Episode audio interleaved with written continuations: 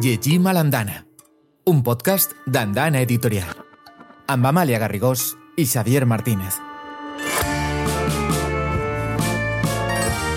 En este episodi, raonem sobre la por com a element literari, les espantacriatures i els éssers màgics de la tradició valenciana.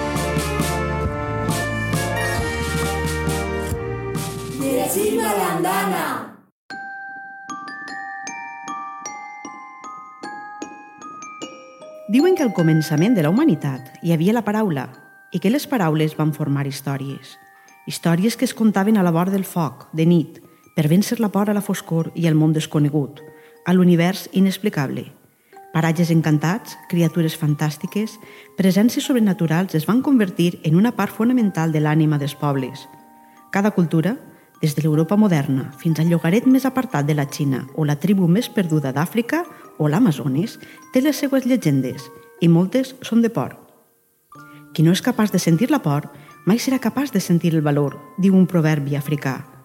I certament, les nostres històries sobre massos encantats, aparicions a llevadors, dames de castells, cases misterioses o monstres fabulosos expliquen la por. Li donen un nom, una aparença, gràcies a la qual, generació rere generació, hem pogut conjurar-la i vèncer-la. Les històries de Por o Fugirem responen a la voluntat de descriure quines són les nostres històries de terror més representatives, quins els personatges més temuts en un temps en què ens envaeixen els productes cinematogràfics de les factories americanes, farcits de zombis ensopits i vampirs destenyits, convé recordar quines són les nostres millors llegendes de por. Perquè, sabeu com espanten les bobotes? Heu sentit parlar del cavall de foc? Sou capaços de reproduir la cançó de les bruixes voladores? Heu sentit la maledicció esfereïdora dels masos encantats del Pontarró i de Patiràs? Us heu trobat mai la velleta de la roca encantada de la vila o amb la jonaina de teulada? Heu girat el cap en tornar a casa després d'una nit de festa, alarmats pel rebombori del trip reial o les corregudes d'unes mans sense cos que us segueixen? No? Potser seria convenient parar l'orella i obrir els ulls, per si de cas.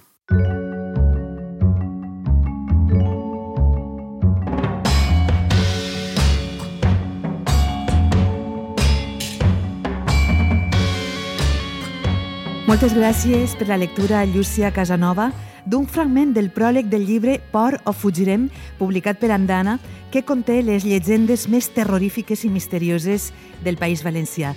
L'obra està escrita per tres autors de referència, que són Joan Borja, Víctor Labrado i Francesc Gisbert.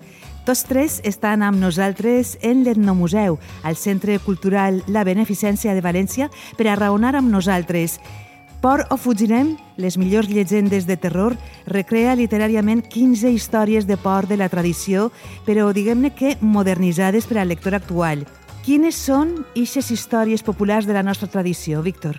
És una tria mm, de com ara el Caro, de com ara el frare de Patiràs, de unes quantes més de les, de les bruixes de, de Tabarca o, o de Peníscola. Eh, en fi, una llarga sèrie que d'alguna manera són les nostres preferides. No? Francesc Gisbert, tu que eres d'Alcoi, també n'hi ha moltes concentrades en la, en la comarca de l'Alcoia Comtat.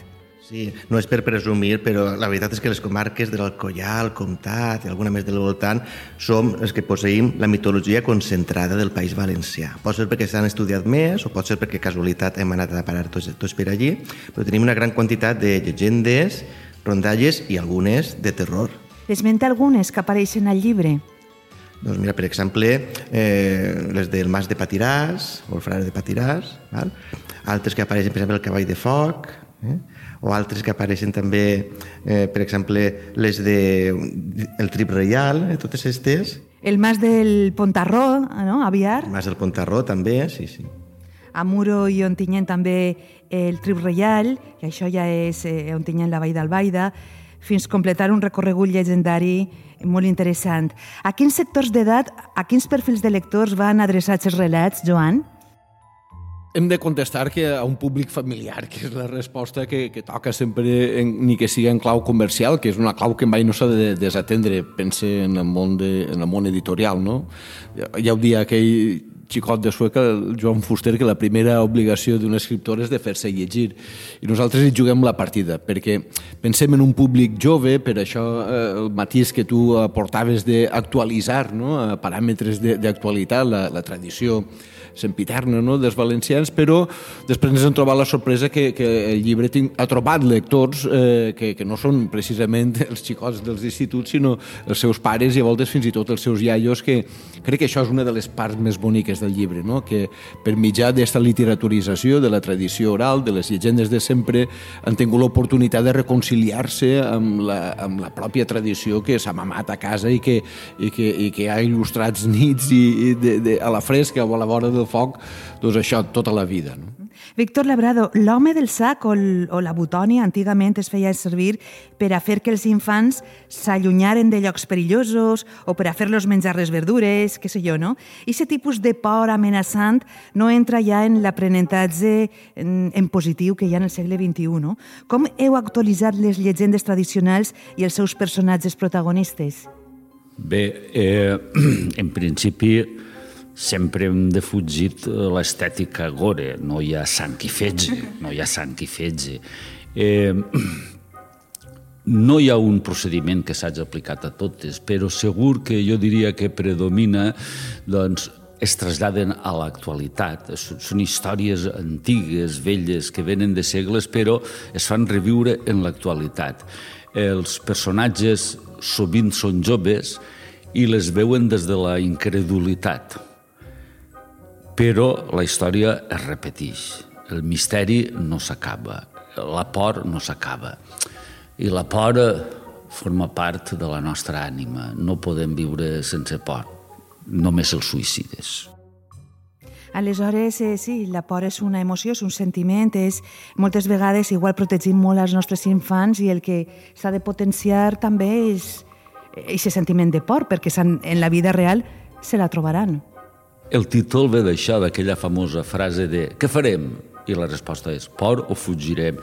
Si no fem una mica de por, sempre ens tocarà fugir. Francesc, avui en dia tots sabem que és un home llop, un vampir, un zombi. Sabem quines són les nostres espantacriatures? Tenim coneixement? Bé, les persones grans encara encara tenen coneixement. Les persones més menudetes no tant. Ara, hem fet una gran feina de divulgació estos últims anys amb persones com Dani Miquel o amb persones com el, els dos companys que tinc així, Víctor Labrado, Joan Borja, que ja són clàssics eh? de, de la literatura així, llegendària. Jo he fet alguna coseta també, però ja portem uns quants anys divulgant que són les bobotes, la 40 maula, l'home del sac i moltes altres més. De fet, si tu preguntes a un xiquet o xiqueta, sabrà, en sabrà molts més que una persona de mitjana edat, perquè és a vista de l'escola, s'ha llegit. Sí, hi ha, hi ha hagut un, un impàs, no? un parèntesi, un buit durant una generació. Hi ha hagut un buit i aquest buit s'ha començat a, a, a recompondre, jo penso que fa 10 o 15 anys, que és quan van començar totes les campanyes de les cançons de Dani Miquel, de llibres com La Marina té por, o altres que s'han anat fent, i el nostre és una passa més en aquest procés de recuperació. Joan, t'he llegit afirmant que la literatura popular no serveix només per allò imprecís i romàntic de conservar les arrels, de mantindre la tradició, de salvar de l'oblit, mm, serveix perquè mola, no? perquè és guai, perquè és divertida. És el que feu un poc al llibre. Perquè és sexy. no, però és veritat, a mi és que eh, em molesta això de dir, ai, mira, aquell, aquell plantejament eh, romanticista, si vols, no? de dir, ah, perquè han salvat de l'oblit. En Rivalor és tan interessant perquè va salvar de l'oblit, va rescatar, com si, com si fora la literatura un joc de museus, no? I en general jo crec que hi ha un plantejament global sobre el coneixement, que això no toca, tot ha de ser el vídeo ràpid del TikTok, i el que, que està molt bé, però eh, el que vull dir és que eh, per tornar al Fuster, que, que, que no sé per què l'he a taula, Fuster dia que una història de les societats, la més precisa de totes seria, per exemple, una història feta a partir de les seues ports. I al final ens adonem que aquestes històries tradicionals ens parlen més que cap altra cosa de, de qui som eh, com a col·lectivitat humana que té una manera precisa i concreta de viure, veure, comprendre, corprendre, aprendre i aprendre a màquina intercalada no? la, la, la realitat. Som eh, una pàtria de paraules, si vols. Jo soc d'aquells persuadits que, que, que res no ens defineix tant com el llenguatge que fem servir per a conceptualitzar el món, però som també l'art de les paraules, eh, és a dir, la fantasia que som capaços de comunitàriament construir amb aquell llenguatge. Som el nostre patrimoni no poètic, ens defineix, diria que més que, que cap altra cosa. I, I per això les històries mereixen ser recreades, primera perquè perquè ens parlen de qui som, eh, d'on venim i cap on podem anar, i en segon lloc perquè molen, directament són històries amb una eficàcia contrastada, no? i, i des, continuen despertant la por perquè la por és igual ara en el segle XXI que ho era en el segle XVII i té les mateixes fonts, no? I, i, i, i perquè val la pena, no, no volem rescatar del rubí de, de l'oblit, no, volem vivificar unes històries perquè molen i perquè ens ho permeten de, de passar-ho bé, és això. La veritat és que com a cosa útil, no fòssil, no purament decorativa, jo només demanaria que eh, feu la prova a xiquets, contant-los una llegenda, contant-los una rondalla, per poca gràcia que tingués, t'adonaràs que potser no hi ha res millor per a educar l'atenció dels infants, com és la llegenda i la rondalla. Callen i escolten perquè els interessa el que senten que és el que hi tenen dret, perquè han de callar i escoltar si no els interessa. Calleu i escolteu perquè ara posem atenció a la veu de Llúcia Casanova, que tornarà a llegir-nos en esta ocasió un fragment de la llegenda El cavall de foc. Em va despertar un crit. Havia ressonat pel barranc. Em vaig abocar a un dels merlets del que restava de la muralla del castell i el vaig veure. La cua de foc avançava entre cingles i penyes – saltava abismes impossibles i s'enfilava per parets rocalloses, dret, indeturable, cap al castell de Perputxent. En un tres i no res es va il·luminar l'arcada de l'entrador del castell. Cavall i genet flamejaven, en una barreja de roig i negre. Si la porta un color, és aquell, la barreja de flama i cendra. El genet va entrar lentament. El cavall renillava en un trot espectral, Trepitjava el terra amb força i deixava petjades fumejants. Quan va ser més a prop, em vaig adonar que el genet no tenia rostre, només una bola de foc dins d'un casc roent.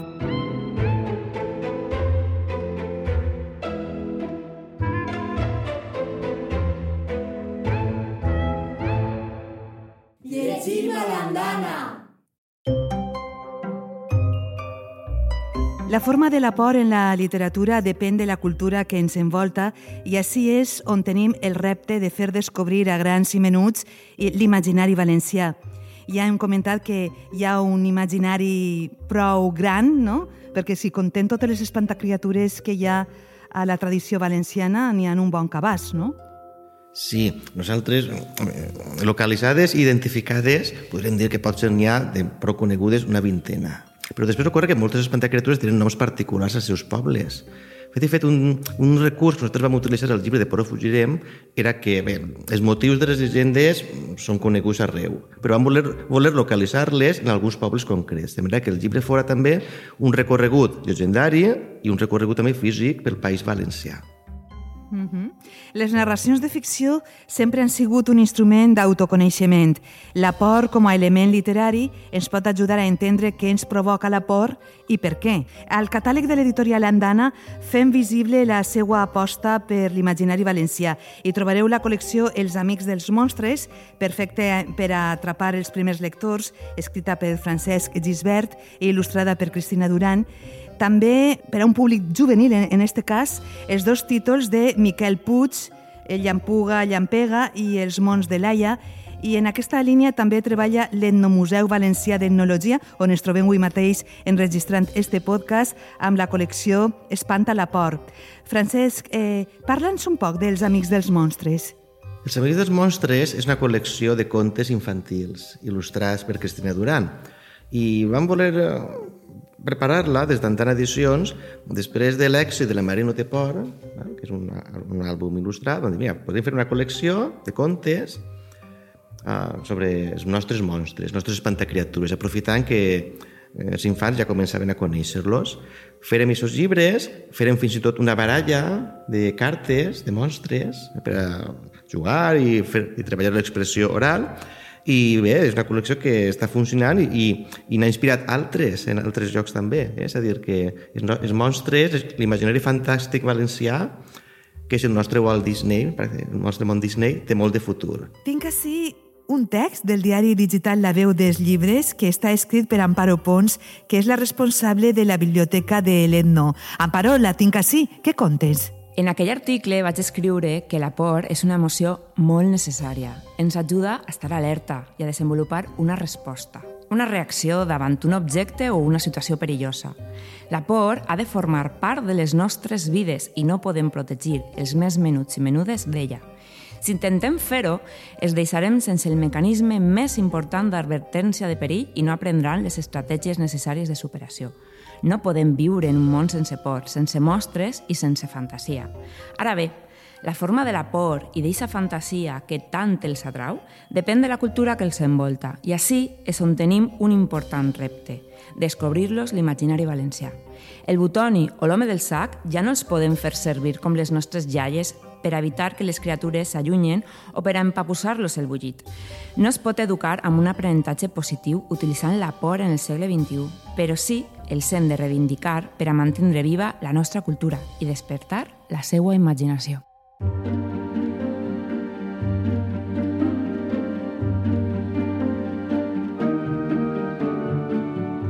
Aprofitem que tenim Amparo Pons amb nosaltres com a responsable de la Biblioteca de l'Etno i estem enregistrant així precisament este podcast a la Beneficència per a preguntar-li per la campanya que fan anualment cara a Tots Sants, l'1 de novembre, reivindicant les nostres criatures màgiques, que es diu Espanta la por?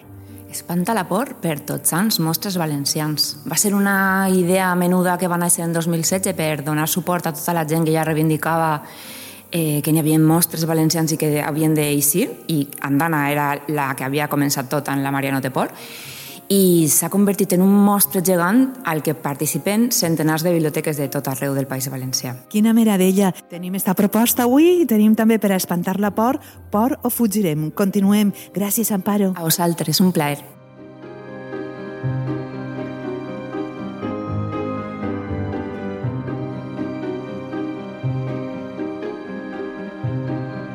Amparo Pons, vos qualifica a vosaltres com els alquimistes del nostre imaginari més ocult.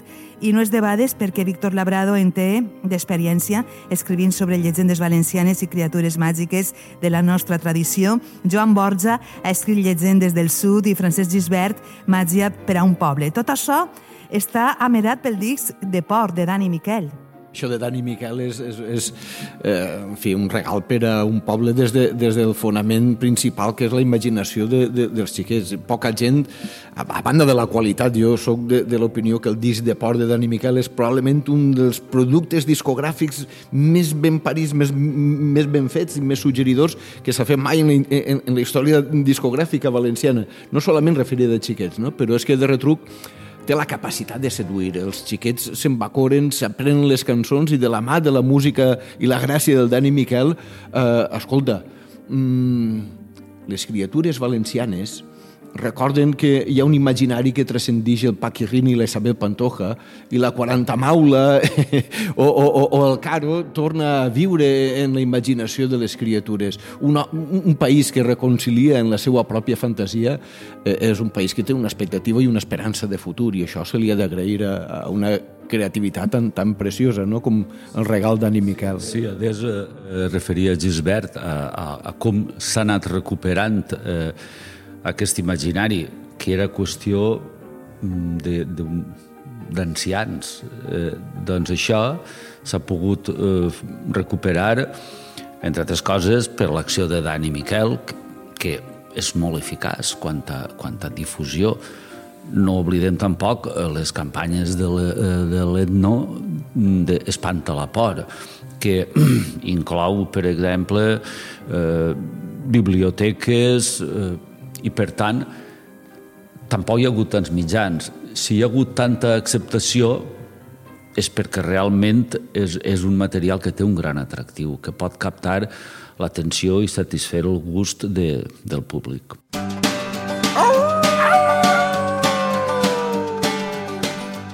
Esteu sentit La Maria no té por, del disc de Dani Miquel, de por.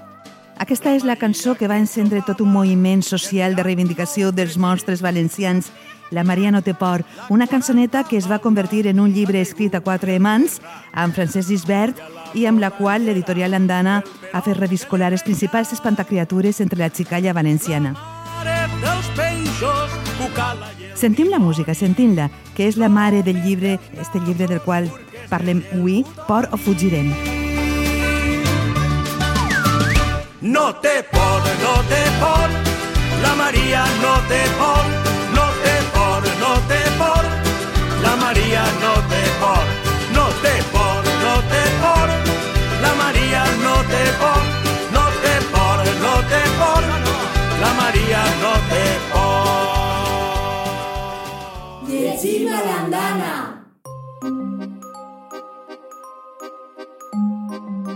Víctor Francesc Joan, quina és la principal font d'informació d'on heu begut? En molta part, eh, font oral directa. Anar pels pobles i sometent a interrogatori les persones que pacientment hi han volgut col·laborar. Però després també hi ha tota una bibliografia extensa, hi ha des de Francesc Martínez i Martínez a Sara Llorenç, a Salvà i Ballester, de, de Callosa d'en Sarrià, una quantitat eh, molt llarga de, de llibres i a vegades articles o referències i també hi ha mm, qüestions puntuals. En la literatura popular dels segles XVIII i XIX i hi ha referències també eh, que es, es poden extraure i anar eh, recomponent una miqueta el trencaclosques. Jo afegiria a tot això que estàs dient, jo, jo crec que en això som prou afortunats els valencians, que tot i, i la normalitat que hem viscut al llarg d'un segle XX tan convuls com ara no, no, no toca recordar, enmig de tot això hi ha hagut també la figura d'un Enric Valor, no? que, que això és una personalitat que, que ha redimit, diríem que unes dosis ingents de, de, de fantasia. I, i com, tal com apuntaves, disposar de llegendaris complets, com els que van eh, confeccionar la Sara Llorenç, no? les llegendes alacantines. El que dia Gisbert és molt, molt interessant, que això de l'Alcoià i el comtat és, és l'epicentre de la fantasia valenciana eh, es coneix que és del coll i per tant se li oblida que ha de dir també la Marina Baixa que és d'on són Adolf Salvà i Francesc Martínez i Martínez i la Sara Llorenç, jo ho he de reivindicar. Ja sabeu que Altea sí és el centre de la fantasia valenciana però al costat de Callosa de Callosa dic de Castalla si vols que és el poble d'Enric de, Valor no? jo crec que és, és també un regal per a un poble com diem des del Dani Miquel. Jo trobo que la gràcia del llibre Però fugirem és que nosaltres hem continuat aquesta certa tradició valenciana de replegar llegendes, però replegar-les i donar-los un vestit nou, perquè les hem modernitzades. Eh? De fet, els motius bàsics són identificables, però les hem vestit completament noves. Eh? El tribut reial que apareix en un conte a uns que, que tornen de festa d'una discoteca molt coneguda, que no ho direm perquè és publicitat encoberta. Eh? Però, en fi, totes aquestes llegendes estan modernitzades, això fa que els joves d'avui en dia, nosaltres que anem per molts instituts parlant del llibre, les gaudisquen amb elles i fins i tot fem una ruta, la ruta de Port Fugirem, un espectacle que tenim entre nosaltres, que fem rutes de llegendes de port per diversos pobles, on volen, on volen que anem. I allí també la gent se sorprèn no? de la capacitat eh, viva que tenen aquestes llegendes per emocionar avui en dia encara. Si algú ens escolta i vol fer una d'aquestes rutes de Port o Fugirem, què ha de fer? Doncs nosaltres li recomanem que contacte amb la nostra agent, Àngels Jordà, eh? que treballa en Dan Edicions i eh, qualsevol biblioteca, ajuntament, pot comptar amb nosaltres. Jo volia fer una puntualització de, enmig de totes les fonts mm, de la bibliografia de la gent que ha passat informació, però Enric Valor és una cosa a banda. Enric Valor és qui li dona una dignitat, li dona un nivell eh, literari que abans no s'havia donat. Eren apunts, estava molt bé perquè era informació que et passaven de, de memòria que s'hauria perdut, però Enric Valor el que ens ensenya és que això s'ha de treballar literàriament, que això ha de, tindre una part estètica més enllà de la, de la pura informació que passa de la tradició. I això cal reconèixer-li al senyor Valor. Sentim ara un altre fragment de la llegenda La Joanaina, en la veu de Llúcia Casanova. Joan provava d'estraure's pensant en els esquiladers, uns esperits xicotets esquilats, amb barret roig, que diuen que també s'apareixen per Sant Joan, a Boqueta de nit, pels avencs del terme de Bolulla. Segons diuen, sembla que els esquiladers sempre volen tentar l'ambició dels humans. Sa mare pobreta ja l'advertia de menut. Cal anar amb compte amb els esquiladers, Joan. Tenen molt de perill, fan fredat. Et posen a prova i si falles, se t'emporten per sempre a la profunditat d'un avenc. Diuen que els pots vendre qualsevol cosa al preu que vulguis, però cal anar alerta en la manera que tenen de regatejar. Si posem per cas, vas i es proposes. Vull mil euros per aquesta jaqueta de pell. Ells contesten. Per mil euros no la volem. Te la comprem per 3.000 euros. Però convé saber, ai, que si aguantes ferm en el preu inicial, al final et pagaran els 1.000 euros que els has demanat. En canvi, si acceptes la seva contraoferta a l'alça, l'ambició farà que acabes perdut, malparat sense remei. No solament no et pagaran, sinó que se t'emportaran per sempre la foscor de l'avenc. I mai més ningú no en sabrà de tu.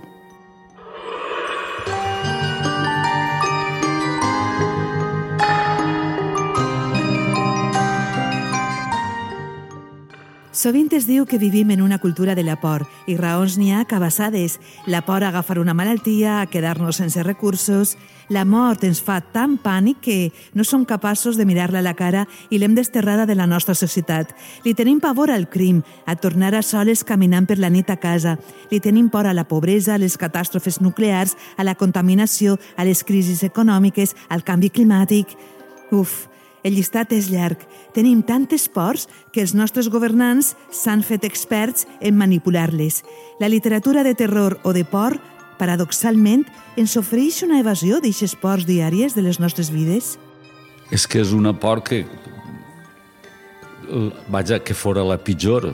Ja m'agraden les ports purament fictícies, purament de recreació literària, que no fan mal, per dir-ho d'alguna manera. M'estima més un conte de terror que un míssil eh, llançat des de des d'un país veí, per exemple. Si, si això de la por literària és que dura, que no cansa, no? S'ha dit sovint que la vida es defineix a partir de la concepció i la consciència de la mort, no? I, i això em sembla que e, és difícilment discutible. Per això viure és també, eh, al meu parer, eh, saber viure la por i saber-la gestionar. No? I jo diria que eh, una persona i fins i tot una societat es defineix precisament a partir de les seues ports i en paral·lel a això és l'altra cara de la moneda, d'acord també amb les seues il·lusions, les seues esperances i les seues fantasies.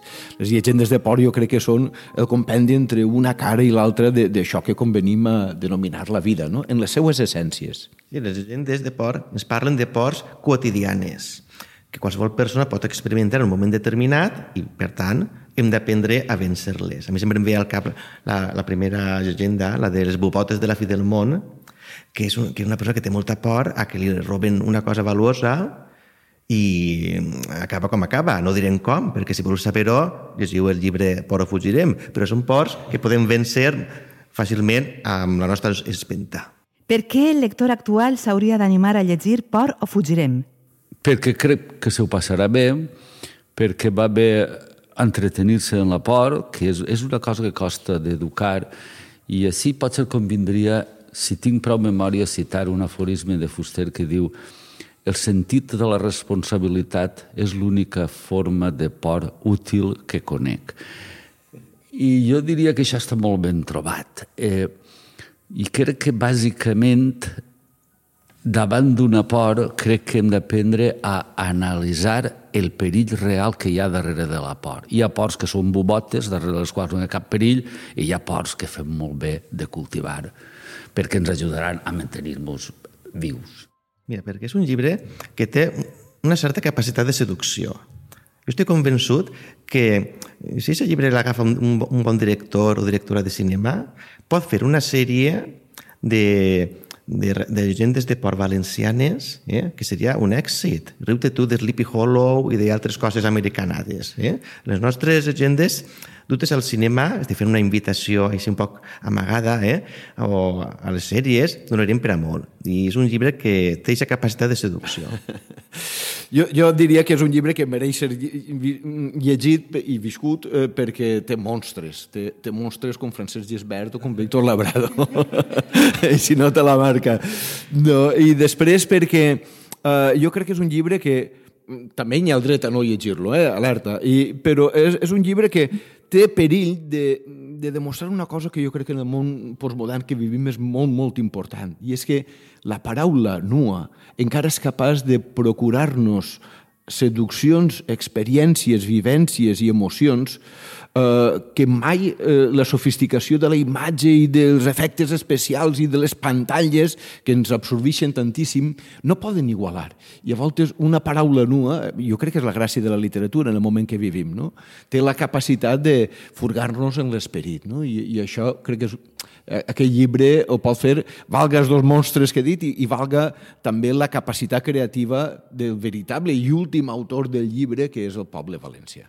Sí, i lligant en el que diu Borja, doncs, el poble valencià és un poble mediterrani, per molts anys que hagin passat no deixem d'alguna manera de ser hereus d'aquella saviesa grecollatina mediterrània de la mar salada. I, i allà hi ha autèntica saviesa.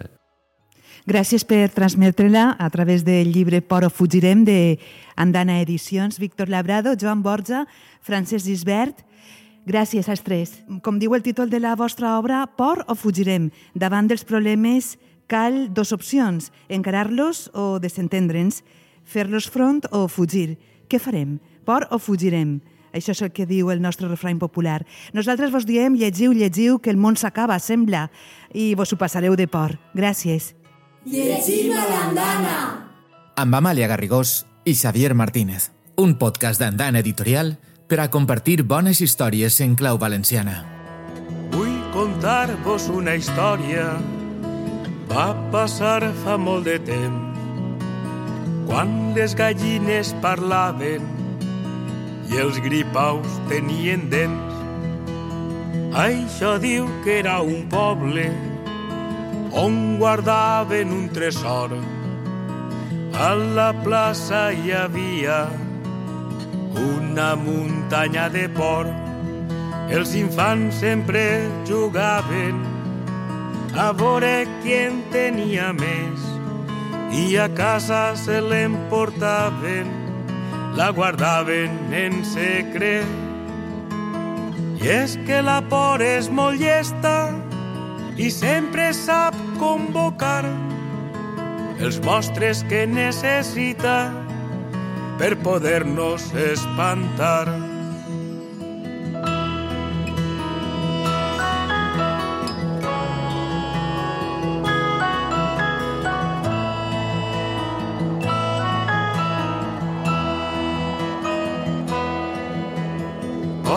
Bruixes i fantasmes, de la boira i de la nit, de les guerres del silenci, de quedar-se sol al llit, por d'entrar en una cova, de mirar per un forat, por de fer un llarg viatge, por de no ser estimat, perquè pot ser divertida si la saps controlar, si li trobes la mesura, mai no et podrà dominar. I tot el poble va prendre un secret molt ben guardat, que la por que agafaven sempre la podien tornar